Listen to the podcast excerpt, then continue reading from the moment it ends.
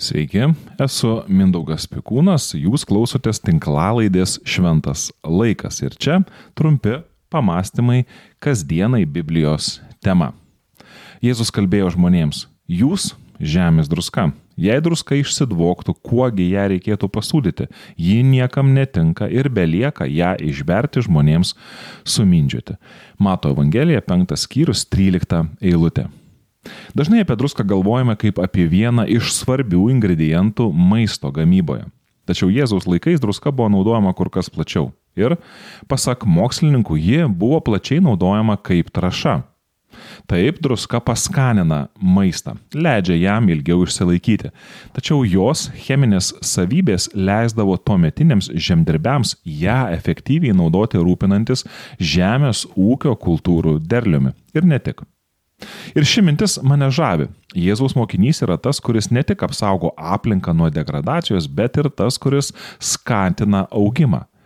Ir netekti surumo, tai pamiršti savo pašaukimą ir nebebūti tuo svarbiu gyvybę bei augimą skatinančiu elementu. Ir toks pašaukimas nebatinai gali būti visų aplinkinių įvertintas ar priimtas. Jei Jėzaus pasiekėjai nėra pasišventę tokiam gyvenimo būdui, kuris gali būti gal net nesuprantamas netikinčiam, tai jie netektų savo surumo, kuris yra jų unikalus liūdimas Evangelijos galiai pasaulio netvarką ir sumaištę paversti gyvybę knipždančią oazę. Jei mes netenkame savo surumo, tampame niekam tikę ir nebegalime būti teigiamų permainų šalininkais ir gyvybę kuriančiais Dievo tarpininkais. Jei druska leidžia lengviau įdirbti nualintą žemę, jei jos dėka augalai gali lengviau įsisavinti kitas maistingas medžiagas, tada Jėzus mus kviečia į neįtikėtiną ir drąsų gyvenimą. Jei mes iš tiesų turime būti druska, Jėzaus perdodama prasme, tai reiškia, kad tikintieji turi eiti ten, kur yra netvarka ir kur niekas neauga, o ne ten, kur viskas atrodo šviesu, švaru, nauja ir smagu. Mes esame kviečiami priimti tokį gyvenimo pašaukimą, kuris normaliam, na, kabutėse, žmogui gali pasirodyti gal net nelogiškas.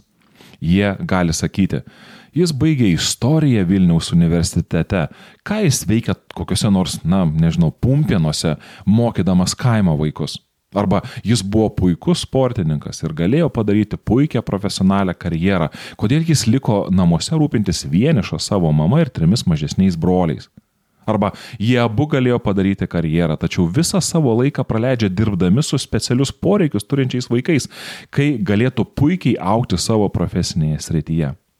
Būti šviesa ir druska - tai suprasti savo pašaukimą ir jį panaudoti aplinkinių geroviai. Ir gera žinia yra ta, jog būti šviesa ir druska dėl pasaulio gerovės leidžia mums na, tiesiog mylėti ir nesijausti, kad mes nedarome kažko ypatingo ir negyvename sulik savo galimybėmis. Mūsų visų sugebėjimai, galimybės ir aplinkybės, žinoma, gali labai skirtis. Ir labai yra lengva pradėti save lyginti su kitais ir paskui pasiduoti nevilčiai, kad gyvenimas mums yra nesažiningas ir, na, mes lyg, mums yra lyg neleidžiama gyventi, kaip mes norėtume ar įsivaizduotume. Taip, visi esame skirtingi ir mūsų gyvenimams turi įtakos geografinė padėtis, mūsų tėvų finansinis saugumas, emocinė branda ar išsilavinimas, skiriasi mūsų visų fiziniai ar intelektualiniai gabumai. Tačiau visi mes galime išmokti mylėti ir taip išpildyti savo pašaukimą ten, kur esame, tuo, ką turime ir taip, kaip galime. Kai suprantame, jog esame pasauliui lyg traša žemėje, tada save galime vertinti uh, pagal kitų augimą, o ne pagal savo saugumą ar karjeros sėkmę. Ir manau, kad čia dar ne viskas. Taip pat turime suprasti, jog esame pašaukti ir maišytis tarp žmonių kaip tie, kurie linki jiems gero ir kuriems kito žmogaus gerovė yra labai svarbi. Krikščionis gali būti pasimetę, kaip reikėtų tinkamai reaguoti, na tarkim, karo akivaizdoje, susidūrus su socialiniu neteisingumu, kultūriniu spaudimu ar pilietinė atsakomybė. Tačiau visi šie dalykai tampa kur kas aiškesni, jei į viską pasižiūrime iš gyvenimo skatinimo ir puoselėjimo perspektyvos. Jei esame šio pasaulio druska arba druska šiam pasauliui, tada esame pašaukti rūpintis kito gerovę ir prisidėti prie visko, kas skatina sveikatą ir augimą kitame. Esame kviečiami išvelgti, kur esame Dievo kviečiami eiti, kad mūsų dovanos ir pomėgiai prisiliestų prie šio pasaulio nederlingos žemės. Luko Evangelijoje yra užrašytas, uh, užrašyti tokie Jėzaus žodžiai. Druska yra geras daiktas, kalbėjo Jėzus, bet jei druska netektų surumo, kuo ją reikėtų pasūdyti, ji, nebetenka, ji nebetinka nei dirvai, nei mėšlui, o išberiama laukan. Luko Evangelija 14 skyrius 34-35 eilutės. Žinau, kad mėšlo krūvos įvaizdis gali sukelti kai kam gal nemalonius pojūčius. Tačiau Jėzaus laikais druska būdavo naudojama apsaugant mėšlą nuo fermentacijos, puvimo bei labiau praturtinti mėšlo naudingasias savybės. Juk kartai sutikite, jog tenka išgirsti ar net pačiam pasakyti, kad e, gyvenimas yra š, nes ten gero nebelabai ką matome. Žinoma, tai gali būti akimirkos nuotaika, bet gali būti ir taip, kad jaučiatės, jog sėdite mėšlo krūvoje jau kuris laikas. Ir toks gyvenimas nebūtinai yra gyvenimas apgriuvusiuose lūšnuose.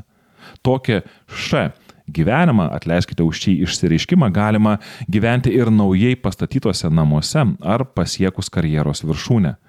Perdžiūvusios žemės lopinėlių galima rasti kiekviename mieste ar kaime, kiekvienoje organizacijoje ar šeimoje. Visi turime draugų ir šeimos narių, kurių gyvenimas yra paliestas negandos.